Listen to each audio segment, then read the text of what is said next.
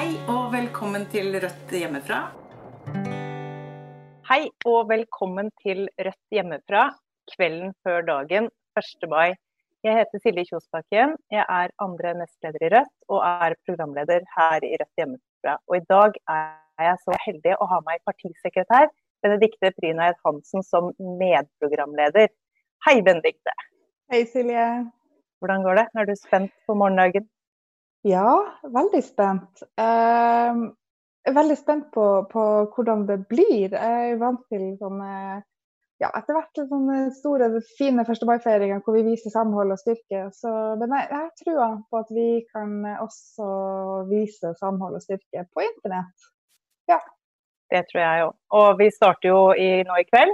Og vi har et kjempespennende program til dere der hjemme. Jeg har snakket med leder av AAP-aksjonen, Elisabeth Thoresen, som er eh, hovedtaler for LOs markering av 1. mai i Oslo. Jeg har snakket med forfatter og lokalpolitiker for Rødt i Stavanger, Mimir Kristiansson. Jeg har også snakket med nestlederkollega Marie Sneve Martinussen. Men Benedicte først. Eh, Elisabeth Thoresen og AAP-aksjonen, som vi skal bli bedre kjent med nå straks. Det begynte jo som en slags Facebook-aksjon ja, eh, AAP-aksjonen har jo virkelig vært eh, et av de beste eksemplene på eh, veldig sånn solid folkelig organisering gjennom sosiale medier. Eh, her har veldig mange mennesker som har opplevd mange av de samme tingene, funnet hverandre på internett. Eh, de har engasjert seg, de har organisert seg, de har eh, stifta en organisasjon Eh, de har også samla engasjementet og sinnet sitt, retta det oppover og har nå skapt en grasrotbevegelse som er med på å skape endring. Så det her er skikkelig god organisering. Skikkelig godt eksempel på folkelig eh, organisering. Det er veldig, veldig inspirerende. Og det er absolutt riktig valg av Elle å invitere henne som hovedtaler i morgen. Men nå skal dere altså få se samtalen jeg hadde med leder av AAP-aksjonen, Elisabeth Thoresen, tidligere denne uken. Se her. Hei, Elisabeth. Hei. Så utrolig hyggelig at du har uh, mulighet til å være med på et innslag i Kvelden før dagen. Det var veldig, veldig fint. Eh, mange av oss eh, kjenner jo deg og til deg og ditt arbeid. Men for de som følger med der ute, som eh, ikke kjenner til det, har du lyst til å forklare, fortelle kort hvorfor og hvordan du blei eh, engasjert politisk? Ja, det er jo arbeidsavklaringspengene. Og det at det er en ytelse som syke mennesker kan få når de har vært arbeid, eh, mottatt sykepenger i ett år. Jeg var selv eh, arbeid, jeg, eh, jeg mottok selv arbeidsavklaringspenger fra sommeren 2010, mener jeg. Og da det skulle komme nytt lovverk i eh, kapittel 11 om arbeidsavklaringspenger, så så jeg at det lovverket det ville slå veldig skjevt ut og vondt ut hvis det gikk gjennom. Og der startet mitt engasjement i forhold til akkurat den saken, og det var i 2016. Min siste jobb var i Nav som veileder. Og jeg jobbet med arbeidsavklaringspenger. Og, så jeg hadde liksom eh, innsikt både i Nav som system og i noe av lovverket. Og, eh, og hadde også svart masse på Nav-spørsmål i mange år gjennom forskjellige Facebook-grupper. Og dermed så, så, startet jeg også da en Facebook-gruppe som var en aksjon mot det nye lovverket. Og siden så har dette bare rullet og gått og blitt større og større. Og min tanke var jo egentlig ikke at dette var politikk i starten. Og det, for meg så er jo dette en sak. Det er jo ikke partipolitikk, men det er en sak som dreier seg om at syke mennesker må ha en inntektssikring fra de blir syke og fram til de er ferdig avklart, enten opp mot arbeid eller opp mot en uføretrygd. Mm. Du har jo fått med deg en, en veldig stor del eh, mennesker i denne AAP-aksjonen, eh, som det kalles. Er det like bra trykk, eh, trykk eh, nå som det har vært eh, spesielt kanskje NAV, da Nav-skandalen begynte å, å, rulle opp, så ble det vel enda mer trykk? Ja, altså Selve Nav-skandalen og alt dette som dreide seg om EØS-saken, det, det, var jo egentlig ikke altså Det er jo egentlig ikke AAP-aksjonens primære eh, Hva skal jeg kalle det satsingsområde. Det kom bare som en følge av at vi faktisk allerede var en organisasjon og var en gruppe. Og det at jeg allerede hadde stått fram noe i mediene, så var det naturlig for, for folk også da å ta kontakt med meg i forhold til EØS-skandalen eller den saken. Nei, eh, jeg bare ser for meg liksom, For det har jo vært et høyt trykk i veldig lang tid. Eh, og oh, ja. at, eh, at Nav-skandalen bidro til enda mer trykk. For som du sa, du har jo kanskje vært en sånn den eneste organisasjonen for de som kanskje er, er ramma. Eh, ja. Som de kan henvende seg til. Selv om det ikke er direkte det, så må det ha vært et, et, et ekstra trykk rundt den tida. Ja, det, det var det. Og vi, det ble jo litt sånn der å ta det, akkurat den situasjonen litt på strak arm. Eh, men vi har jo også fått satt veldig mye fokus på selve AAP-krisen.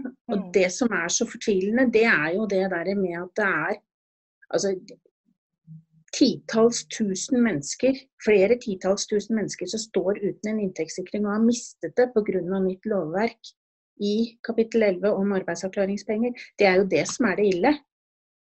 Eh, og så kom denne EØS-skandalen på toppen. Mm. Som vi også da selvfølgelig var villige til å fronte. Mm. Fordi ja, det... det... også dreier seg om syke mennesker ikke sant, som mister ja. inntektssikringen sin. Eh, du har eh, vært en stemme for eh, veldig mange mennesker, og også en inspirasjon og en kilde til veldig god informasjon. Hvordan eh, er på en måte trykket, eller hvordan er det nå i koronakrisa? Har det påvirka aksjonen på noen måte? Ja, det har det. Fordi at det vi opplevde var en del kontakt akkurat i starten av denne koronakrisen. Og så var det akkurat som alle trakk seg tilbake. Vi opplevde at det ble slutt på e-poster, det ble slutt på veldig mange PM-er. Det ble mindre aktivitet i Facebook-gruppa, og det er det fortsatt.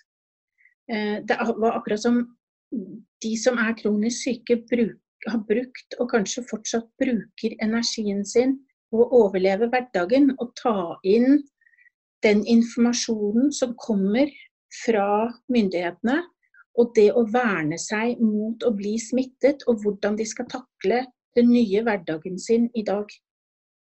Jeg vet at for mange så har altså mange av disse kronisk syke er jo også i, i risikogruppen for å kunne bli alvorlig syke om de skulle bli smittet. Og dette er jo ikke noe god situasjon. Og for de da som også er i karenstiden på arbeidsavklaringspenger og står med null kroner i inntekt, så er det jo en ekstra belastning. De skal helst ikke eh, gå ut av huset, ikke sant. Eh, og så må de ut av huset for kanskje å hente mat på, som blir levert ut gjennom Frelsesarmeen eller andre organisasjoner. Og det er jo ikke en ålreit situasjon å sette seg selv i. Nei. Nei.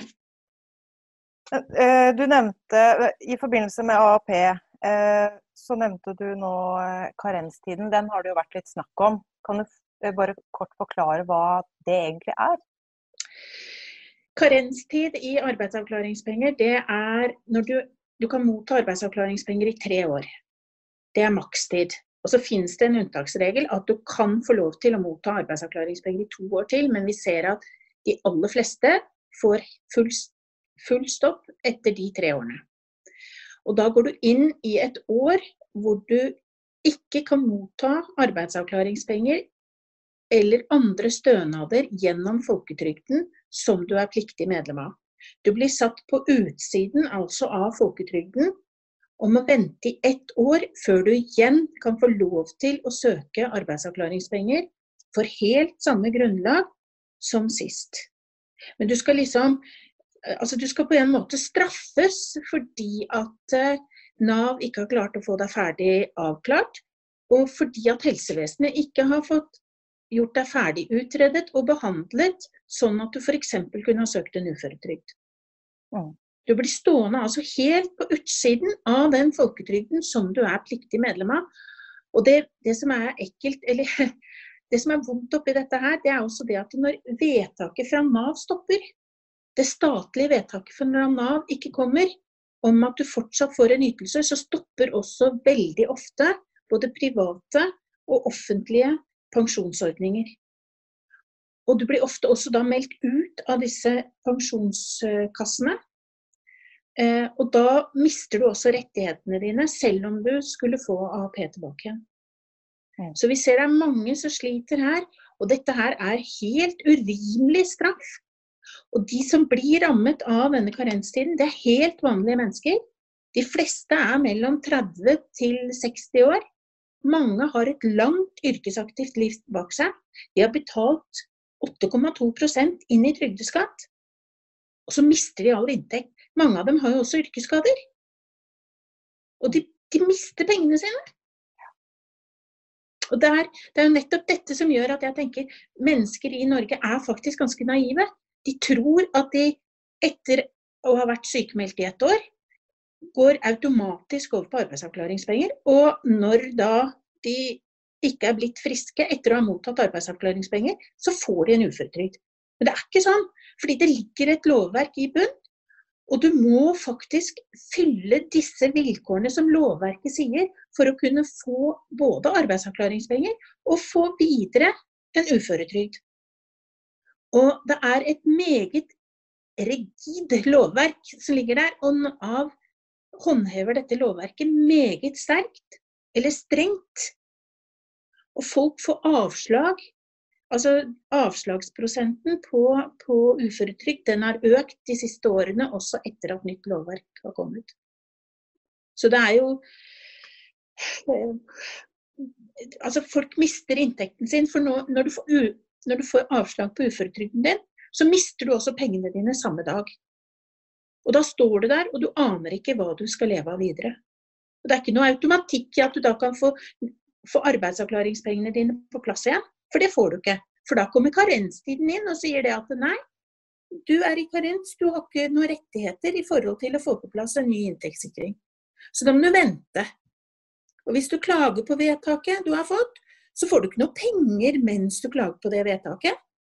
Og en klage i Nav-systemet, den tar jo herren Fryde meg ofte over to år før den når Trygderetten. Og det Nav også nå under denne koronakrisen har gjort, det er at de har satt klagesaker på vent. Fordi at det er viktigere at dagpengesøkere får på plass en inntektssikring. Og så skal syke de skal stilles igjen bakerst i køen. Og dette her er dårlig gjort, altså. Og dette har vi reagert på. Dette har vi Men Blir den tida forlenga da, eller? Da blir, da, blir, da blir, klagesakene Tiden på klagesakene blir forlenget. Mm. Og de blir da satt på vent, ikke sant. Og vi vet ikke hvor lenge. Så, så, dette her det er forhold som vi reagerer på. Og, og det er jo klart at syke mennesker hele tiden opplever at det ikke er like mye verdt som andre mennesker. Og det er ikke så viktig at de ikke får på plass en inntektssikring. Det er det det, er det, det blir signalisert ut. De har jo klart seg så lenge uten en inntektssikring, så da kan de vel klare seg litt til. Dette er stygt. Ja. ja. Og det er eh, ingen tvil om at du gjør en eh, kjempeviktig jobb sammen eh, med eh, aksjonsgruppa, eh, som du også har i ryggen. Og det er heia dere for den innsatsen dere har gjort, og for å få det så høyt opp på dagsorden som dere har. Og vi må jo bare fortsette å rope ut om denne urettferden. Og informasjonsarbeidet her er jo helt klart veldig viktig, og du er jo en utrolig god formidler. og den innsatsen du legger igjen i sosiale medier og i aksjoner og eh, og eh, gjennom roperter eh, er eh, ekstremt viktig. Så det, det, setter vi alle veldig stor pris på, også til Elisabeth. Tusen takk. Og du er jo også blitt eh, lagt merke til av fagbevegelsen. Du, jo, du, du er hovedtaler eh, på 1. mai-markeringen, som i år blir digitalt. Ja. Ja, det blir spennende. Ja. Eh, Hva er hovedbudskapet ditt i, eh, i hovedtalen, i appellen? Det er selvfølgelig at alle syke skal ha en inntektssikring fra de blir syke og fram til ferdig avklart. Det er jo målet med hele AAP-aksjonen. Ja. ja. Det er kjempe, kjempebra, kjempeviktig. Og eh, jeg gleder meg til å høre appellen din. Eh, har du selv noe forhold til 1. mai, eller sånn gjennom, gjennom livet? Ja, 1. mai for meg var nok veldig mye hagearbeid og påbrenning i haven sammen med min mor og far. Um, min far var bedriftseier, og for meg så var arbeidere mannfolk. Som da skulle ut og fortelle at de ikke hadde det bra nok. Uh, det, det, er liksom fra barns av. og det, det var virkeligheten min. Senere så, så har jeg, jeg har vel gått i noen 1. mai-tog, og særlig de siste, det siste året. Under min egen parole, som dreier seg om eh, AAP-kutt. Og jeg har vel også gått for lik lønn, for likt arbeid. Men ellers så har jeg nok kanskje vært mer opptatt både av eh, fredsmarsjer og også 8. mars-tog. Så det er først de siste årene jeg har, har liksom tenkt 1. mai. At det også er en dag som er viktig å markere. Mm. Det Og jeg tror også at vi i Norge vi nok, har nok hatt det veldig bra i veldig mange år. Med et velfungerende også velferdssystem på mange måter. Og så ser vi nå at dette, dette velferdssystemet rakner. Og Derfor så er det også så viktig med et nytt engasjement, tenker jeg. Mm. Jeg er helt enig. Jeg begynte heller ikke å gå i, i tog eh, før i voksen alder. Eh, jeg skal være helt ærlig og si at jeg blei ramma av ulykka sjøl og kjente at nå eh, det nytter ikke å, å lede seg fram til eh, lover eller regler og si fra på e-poster. Man må ut og og si fra i gata, rett og slett. Ja. Eh, så jeg tror det er mange som får kjenne det på kroppen. Også både, både det du nevner med sikkerhetsnettet, men også liksom kampen på arbeidsplassen. Ja. Så 1. mai og det, er jo, og det er jo kjempeviktig nå i år, spesielt etter koronakrisen. Så står jo også arbeidsplasser nå i fare for å bli lagt ned, og, og at vi kan få en stor arbeidsledighet. Eh, jeg trenger Altså, jeg tror jo også at arbeidsledighet vil påvirke helse.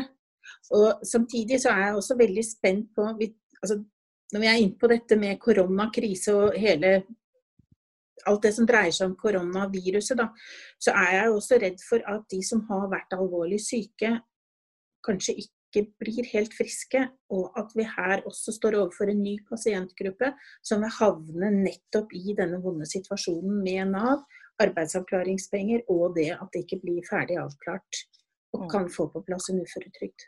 Det er en helt, altså det er en helt ny sykdom, og vi vet ikke noe om øh, Eller vi vet at den angriper også de indre organene. Og vi, jeg har lest noe om at den også gjør noe med faktisk hjernen din, og dette med å øh, at opptrening vil bli viktig, men at man faktisk ikke vet hvor vet om folk kan gå tilbake til de jobber de faktisk har hatt. Ja. Og dette, dette, er også skummelt altså, i forhold til dette viruset. Eh, det er ingen som kan forsikre seg mot sykdom. Sykdom det, det spør ikke etter alder, og det spør heller ikke etter sivilstatus. Eh, hvem som helst kan bli rammet når som helst. Og det skal ikke være en skam å bli sjuk. Men da er vi tilbake til den arbeidslinja at man skal gi arbeid til de som har lyst, og som kan eh, etter de evnene man, man har. Ja, det går jo ikke på lyst. Dette går jo rett og slett på altså, hvis, hvis, noen hadde kommet til meg og sagt Elisabeth, vi har en jobb til deg, du kan få lov til å sitte hjemme og du kan gjøre sånn som du gjør i dag, så hadde jeg satt veldig pris på det. Mm. Ingenting hadde vært bedre enn det. Men noen dager så klarer ikke jeg å komme, komme i gang før klokken kanskje er halv to. Andre dager så blir klokka halv seks. Og så kan jeg gå og legge meg igjen når klokken er to, hvis jeg har stått opp klokken ni. Så alt er jo så individuelt. Og dette Mm. er jo, det er jo nettopp dette som gjenkjenner de fleste som er på, eller som mottar en uføretrygd. Når de går ut og viser seg fram, så spiller de friske. Og så er det ingen som ser hva som skjer når de kommer innenfor husets fire vegger igjen. Nei. Men det er kjempeviktig, og derfor, jeg sier det igjen, er det så viktig den, den jobben du og aksjonsgruppa gjør. Eh, at man synliggjør det, eh, Ja, og at vi eh, lærer av det alle sammen. Eh, Ja. Så ta et eh, oppgjør med holdninger og fordommer, og at vi heller baserer oss på kunnskap og informasjon. Eh, ja det. Jeg tror det er kjempeviktig. Kjempeviktig. Veldig, veldig bra. Mm. Men du, eh, jeg skulle så gjerne ha snakket med deg enda lenger, for det er veldig interessant og veldig spennende å høre, høre om arbeidet ditt. Um, men eh, vi er eh, nødt til å runde av veldig straks. Men har du eh, noen ord du har lyst til å si til de som sitter hjemme og følger med på denne sendingen av Kvelden før dagen? Ja, det må jo være at eh, er det et år det virkelig er viktig å få med seg 1. mai-arrangementet, så er det i år. Og det er, går jo også på hele landets situasjon. Og, og støtte opp om, om 1. mai-feiringen. Følge med på hva som blir sagt i de forskjellige appeller. I, I år skriver vi virkelig, virkelig historie, tenker jeg. Jeg er enig. Kjempebra. Mm. Men da gleder jeg meg til å se hovedtalen din, Elisabeth. Og så takker jeg for at du stilte opp her i dag. Jo, bare koselig. Tusen takk. Ha det bra. For ei dame. Hun er altså så imponerende, og den jobben som AAP-aksjonen gjør, er, er veldig engasjerende, inspirerende og, og, og imponerende. Eh, vi i Rødt er så glad for at eh, de gjør den jobben de gjør. Det er så viktig. Så, så her eh, ja, all ære til dem. Og det er jo bare å håpe at andre grupper også lar seg inspirere og motivere av det arbeidet som AAP-aksjonen gjør. Eh, For de har jo også vist det at det nytter å organisere seg også på internett. Og at digitale medier faktisk kan være et alternativ til å gå ut på gata. Mm. Det er jo akkurat det vi skal gjøre i morgen. Så eh, her skal du forhåpentligvis nå se en lenke til rødt.no eh, 1. mai. Der kan du finne en oversikt over hva som skjer på internett i morgen, og noen tips til hvordan du kan være med.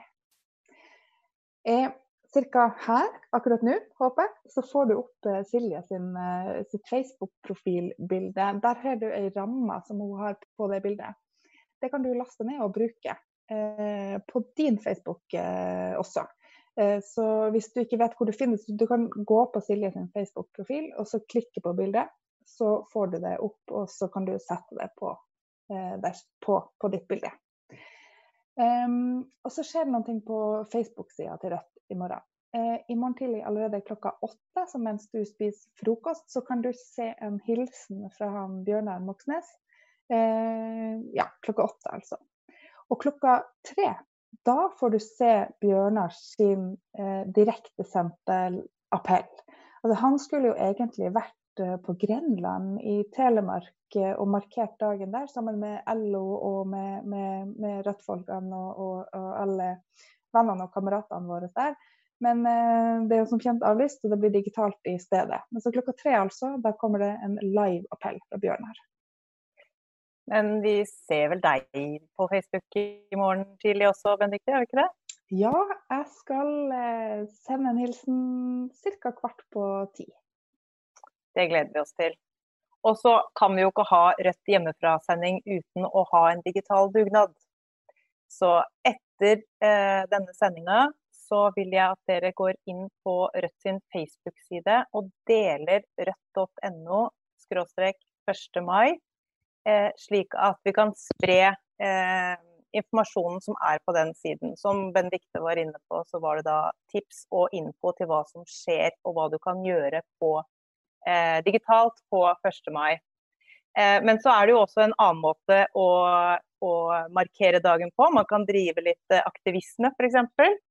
Eh, finn noen fargetusjer eller blyanter. Noen hvite ark. Og så kan du skrive en parole eller en kampsak, ta et bilde av deg selv og legge ut på Facebook. Eller du kan skrive en lengre tekst om en sak du brenner for, eh, eller sånne ting. I morgen er altså dagen for å virkelig få ut eh, kampsaken din. Ja, ikke sant? ja. Åh, følelsen av fellesskap, den kommer jeg til å savne i morgen. Ja, jeg kjenner på det. Altså, at jeg savner å møte venner og kamerater og liksom kunne være ute på gata. Være med på markeringer, få lov til å stå skulder ved skulder, rope sammen og være engasjert. Um, og kjenne på at vi er så mange. Det, jeg gleder meg til neste mulighet.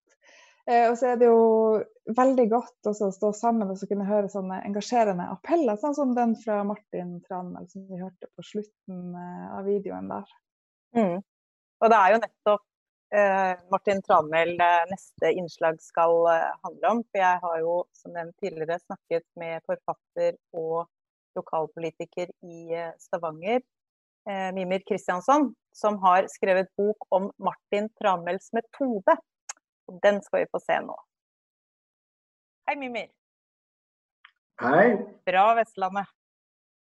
Fra Vestlandet, ja. Fra Stavanger. Så fint at du hadde mulighet til å være med på et innslag til Rødt hjemmefra-sendinga. Ja, veldig kjekt å komme. Du har jo eh, skrevet nok en bok som heter 'Martin Tranmæls metode' som ble sluppet eh, tidligere denne uken her. vi skal snakke litt om den boka, men vil du aller først fortelle oss hvem Martin Tranmæl var? Ja, Martin Tranmæl var den viktigste lederfiguren i norsk arbeiderbevegelse i, i første halvdel av forrige århundre. Han var en eh, bondesønn fra Melhus i Trøndelag eh, som eh, dro inn til byen og ble maler. Og som var lederfiguren i den revolusjonære retningen som tok makta i Arbeiderpartiet i 1918. Sånn at Tranmæl han representerte på en måte venstrefløyen i Ap. Og, og en radikalisering av hele den norske arbeiderbevegelsen. Og Så forble han den på en måte ledende figuren. Han var aldri leder i Ap, men var gjennom å være redaktør i Arbeiderbladet, som jo nå er blitt, blitt Dagsavisen, i mange tiår den på en måte sentrale ideologen og premissleverandøren. Det var han helt fram til, til, krigen kom, egentlig. Så Tranel er på en måte mm, sannsynligvis den, den viktigste arbeiderlederen eh, i norsk historie, i hvert fall i, i forrige århundre. Mm. Spennende. Eh, men boka di heter også 'Martin Tranmæls metode'. Eh, hva, hva, kan du fortelle hva boka handler om? Den handler i utgangspunktet om, eh, om 1930-tallet i Norge, som er en tid som er ganske lik, eller skremmende lik vår egen, eh, med økonomisk krise, skyhøy arbeidsløshet og eh, ytre høyrepartier på frammarsj. Og det den norske arbeiderbevegelsen lykkes med, var jo å, å beseire på en måte ytre høyre eh, på 30-tallet. Og Der var det Tranmæl som var den sentrale på en måte veiviseren i det prosjektet. Eh, og Det gjorde at Norge, i motsetning til f.eks. Tyskland, der, der de endte opp med Hitler, i stedet fikk eh, en arbeiderpartiregjering i 1935 og hovedavtalen i arbeidslivet. og, og på en måte la grunnlaget for ja, sosialdemokratiske gullalderen i Norge da, gjennom mellomkrigstida. Jeg syns det er ganske interessant i dag. fordi at Hvis du ser på de utfordringene som verden nå står overfor, så er det jo eh, enormt behov for eh, politiske visjoner og egentlig radikale ideer. Eh, og jeg syns det er ganske lite av det i, i politikken, i alvor fra Arbeiderpartiet, hvis det, hvis det er lov å si det. Og, og der eh, mener jeg vel at vi har noe å lære av den oppskriften som de hadde i Norge på, på 30-tallet, med, med kriseprogrammet og, og, disse store sosiale reformprogrammene som leder fram til byggingen av velferdsstaten, og den statlige industrireisningen som kom særlig etter krigen. Mm. Og det er helt liksom, sammenlignbart med dagens eh, Har vi vært for passive, tenker du? Er det liksom Hvorfor har vi altså, havna her igjen, på en måte? Ja, nei, Det er jo ikke helt uh, sammenlignbart med dagens situasjon, bare for å si det først. Altså, jeg, jeg vil jo, må jo på en måte bare alltid understreke det at uansett hvor mye stygt man har å si om Donald Trump, så er på en måte Trump er ikke Hitler. Så man må på en måte være litt, litt forsiktig med de 30-tallssammenligningene, fordi man risikerer liksom å hitle enhver debatt. Da. Men det er noen likhetstrekk som er veldig tydelige.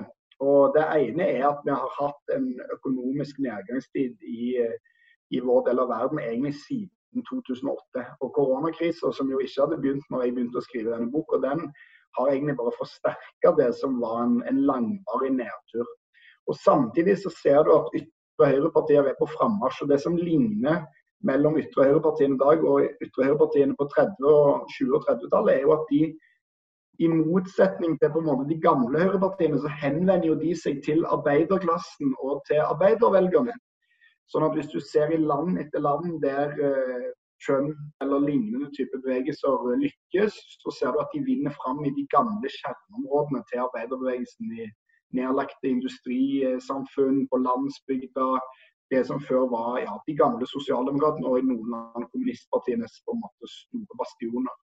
Og Sånn var det på 30-tallet òg. Altså, det hadde jo alltid vært en høyreside, og den hadde jo vært reaksjonær og antidemokratisk så lenge noen kunne huske, og ikke noe særlig positivt til stemmerett og det som var. Men det nye som kom med disse bevegelsene, som i Norge var kanskje fedrelandsdagen, eh, noe som het Bygdefolkets krisehjelp og for så vidt Nasjonal Samling, var jo en appell til særlig arbeidsløse og til på en måte jordbrukere, og fiskere. Og Dermed så ble arbeiderbevegelsen stilt overfor en, en, veldig stor utfordring. Det var en enorm økonomisk krise som måtte løses, og de hadde plutselig en konkurrent som var villig til å på en måte nå ut til eh, arbeidsløse arbeidere, eh, bønder osv. Den situasjonen er litt lik i dag. Vi har en enorm krise i kapitalismen. Vi har veldig mange millioner mennesker som opplever utrygghet, som er bekymra for om ungene skal få vokse opp like bra som de selv har gjort, som har mista jobben. Alt dette her. Og vi har partier til høyre som forsøker systematisk å vinne disse gruppene over på et ganske reaksjonært og menneskefiendtlig tankegods. Og Dermed så står arbeiderbevegelsen i litt det samme dilemmaet nå som vi gjorde den gang, nemlig hvordan skal vi på en måte kontre og møte den trusselen på en skikkelig måte. Har du løsningen eller svaret på det i boka di, eller? Ja, jeg har noen lærdommer i alle fall. Det er, jo, det er jo vanskelig å på en måte komme med en sånn, en sånn eh, liksom eh, genial oppskrift. Det ville vært fiksa for lenge siden kanskje. Men, men, jeg tror i hvert fall det første vi må forstå er at, eh, at vi er nødt til å skjønne at at høyrepopulismens appell er kriser i kapitalismen. Altså Uten de økonomiske krisetegnene vi ser, ville ikke de ytre høyrepartiene gjort så bra som de gjør. Det finnes alltid rasister, og det finnes alltid demagoger og høyrepopulister. og Det, det har aldri vært noe manko på det.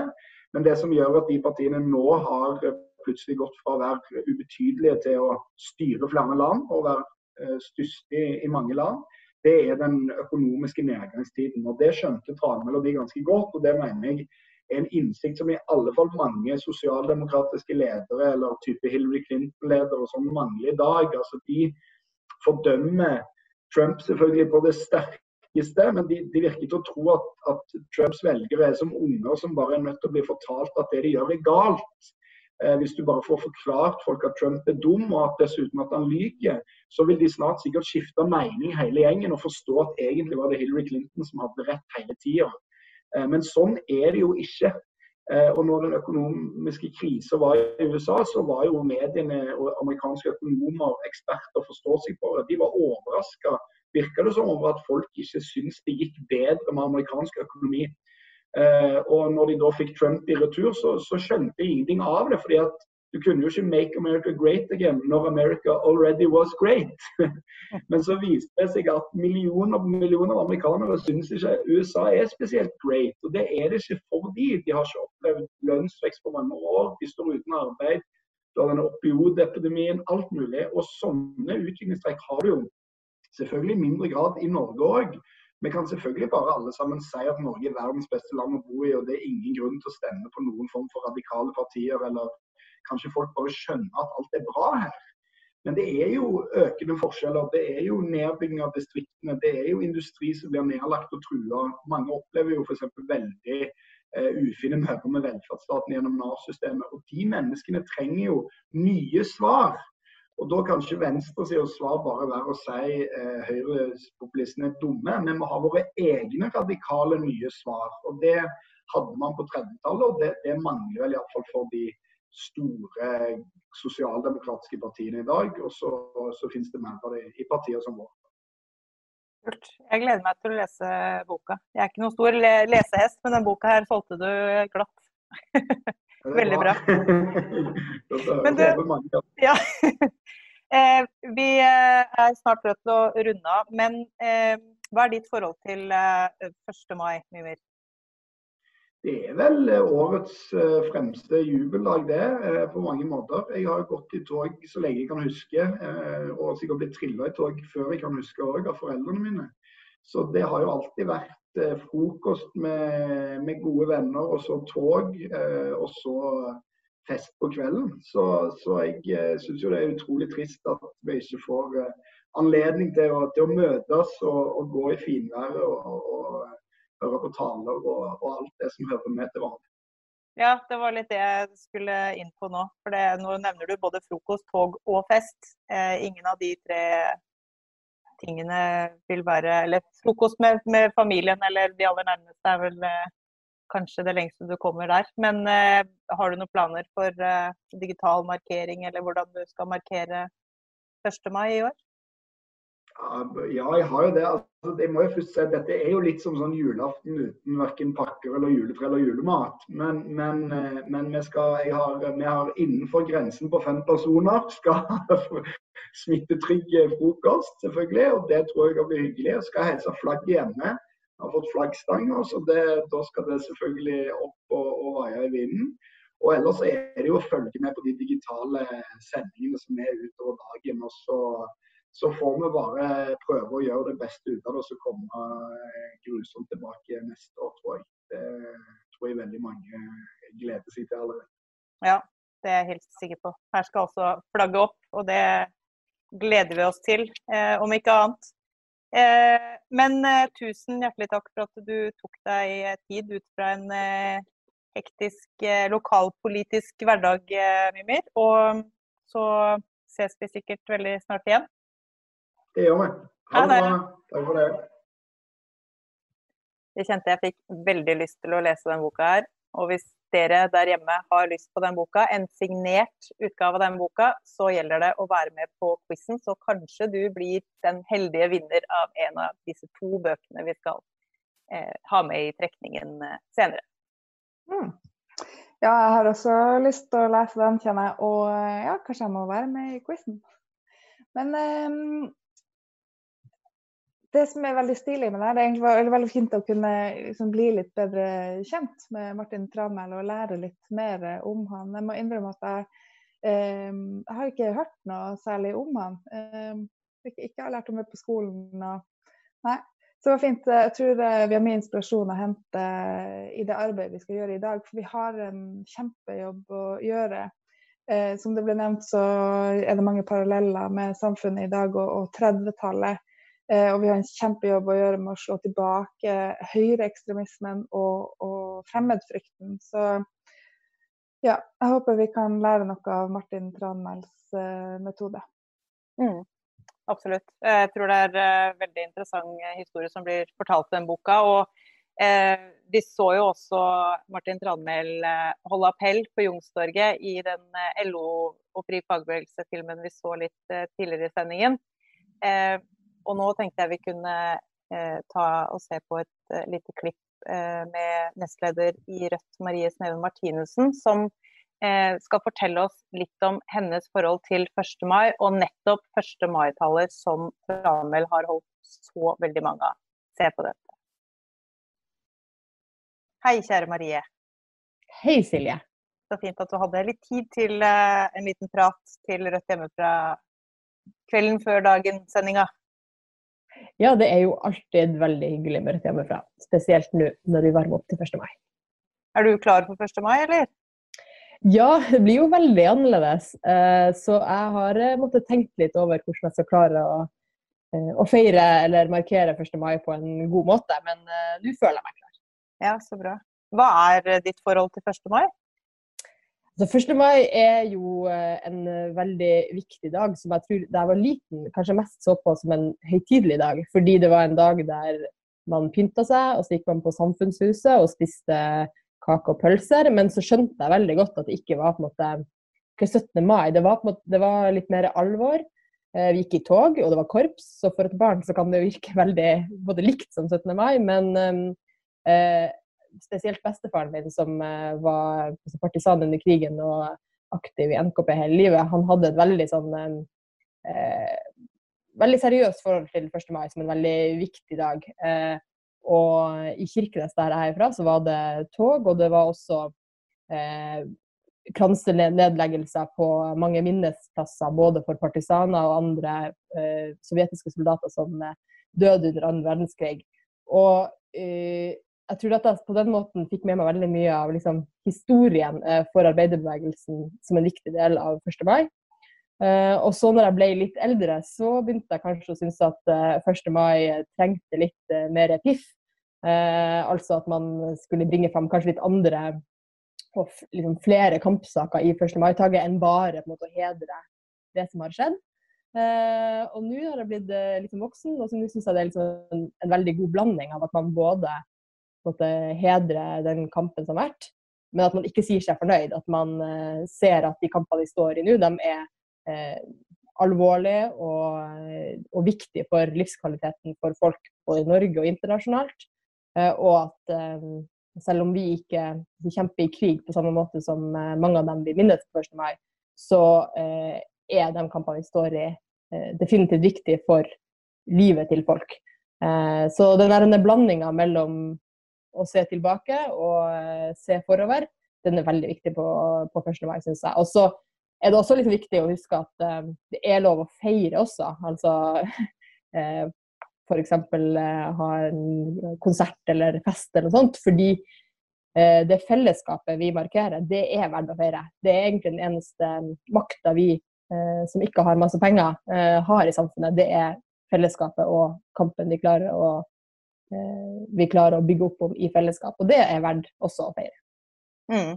Men ja, litt til det der med markeringen. Og det er veldig sånn høytidelig. Og for meg, det å være med på et eh, 1. mai-arrangement fysisk gir jo litt sånn frysninger og stolthet og liksom Man merker det jo litt på kroppen. Hvordan, hva tenker du om morgendagen som i hovedsak blir sånn digital markering eller i, i veldig små grupper? Eh, hvilke planer har du for morgendagen sånn Nei, jeg syns det er viktig å anerkjenne at det blir ikke helt det samme. Altså, det å møtes fysisk, se hverandre, se fanene eh, i toget, det er viktig. Vi, vi, kan ikke erstatte samfunnet med eh, video og internett. Eh, men så skal vi klare det i år. Eh, jeg skal følge en del eh, nettsendinger, bl.a.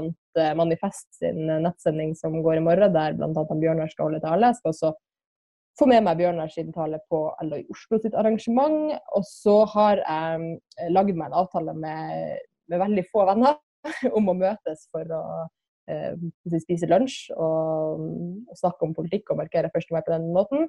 Og så også et annet tips, og det er å gå og lete i bokhylla etter noe som, eh, som er litt 1. mai-aktig. Og ja, kanskje ikke stå og proklamere dikt i stua, det kan kanskje være litt sånn pretensiøst, men det er jo lov å lese inni seg. Og det her er min favoritt 1. mai-bok.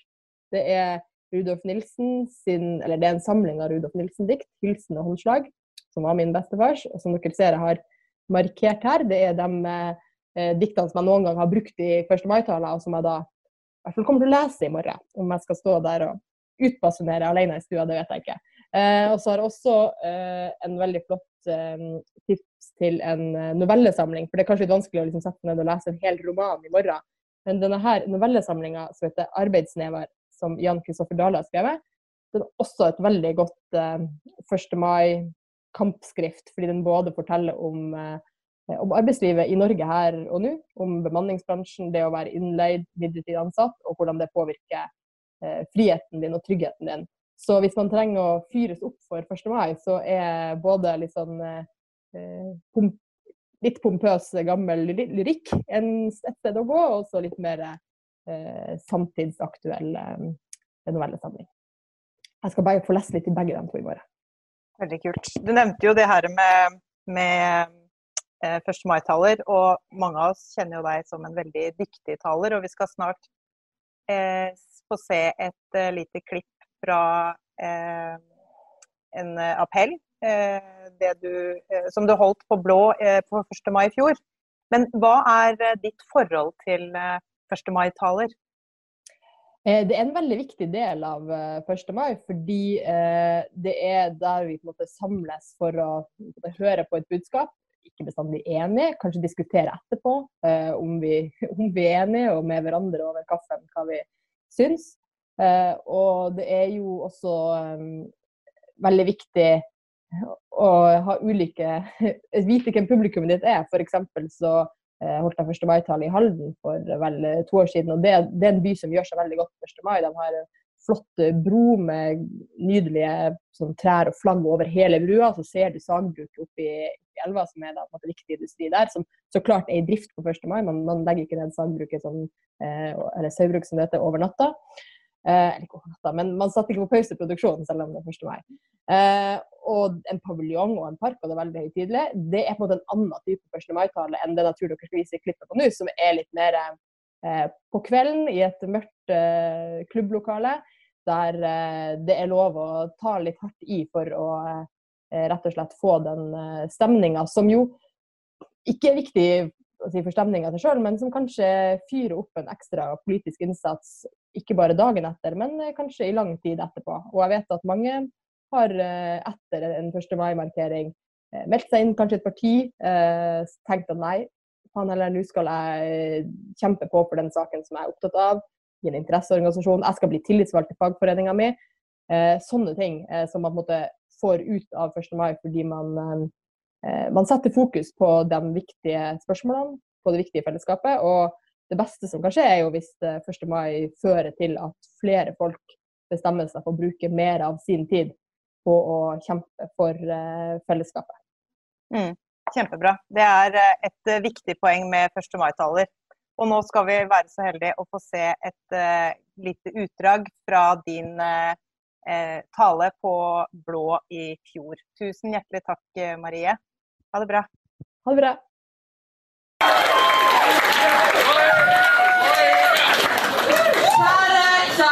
Blå. I kveld så døper jeg deg rød. Anna. I kveld så døper jeg dere kamerater. Og kjære damer, i kveld så døper jeg dere søstre. For i kveld er 1. mai. Det er dagen da jeg og deg blir til vi og oss. Fordi det kun er i fellesskap vi har krefter til å kjempe og slåss. Tusen takk. Eh, det var et selvskrevet dikt som var min gave til dere når du har fått æren av å gratulere oss alle med 1. mai. 1. mai svulmende stolthet, glede og eplekake ikke står i motsetning til sinne, forbannethet og kamp. Fordi det er selve kampen vi feirer. Vi feirer at arbeiderbevegelsen har kjempa fram de rettighetene vi har i dag, over flere hundre år. Den største løgnen som finnes i barneskolepensumet, det må være det var noe vi fikk i 1814, og at lønn konto hver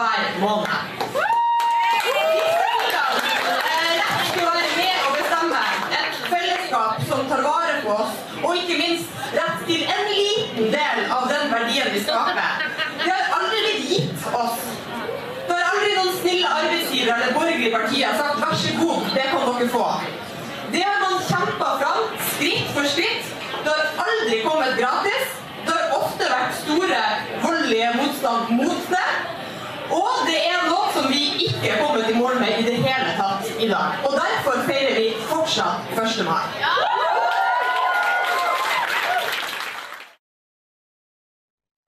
Jeg syns den der appellen som eh, Eller talen, eller hva jeg skal kalle det, som eh, Marie holdt på blå i fjor, er så utrolig bra.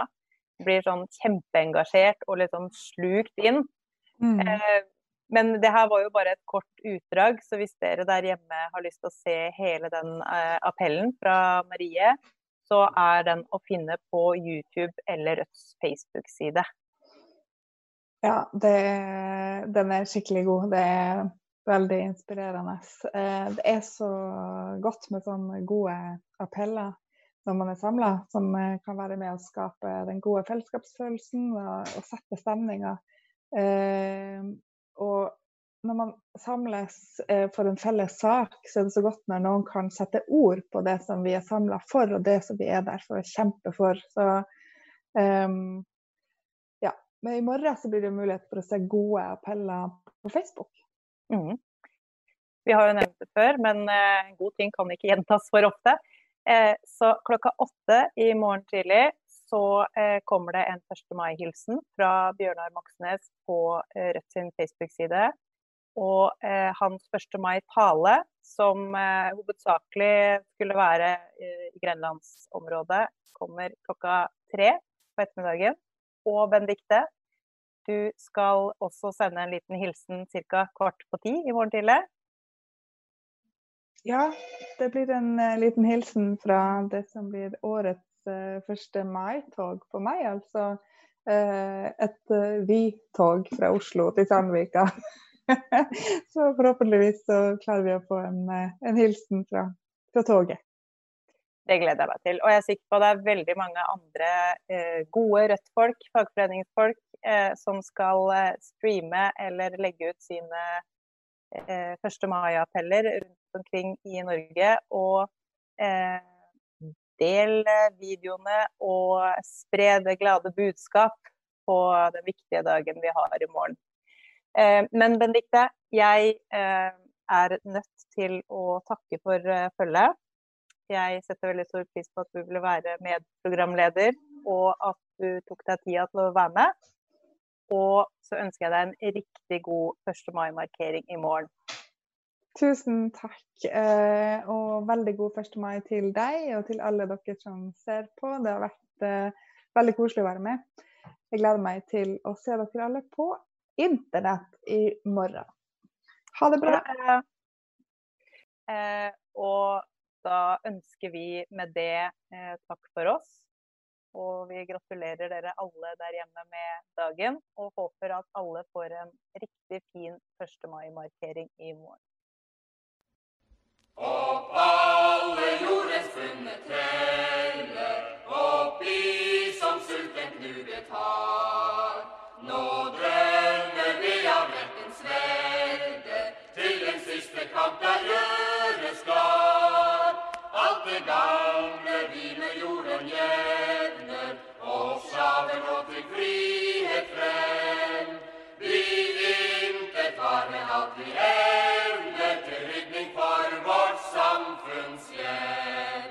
So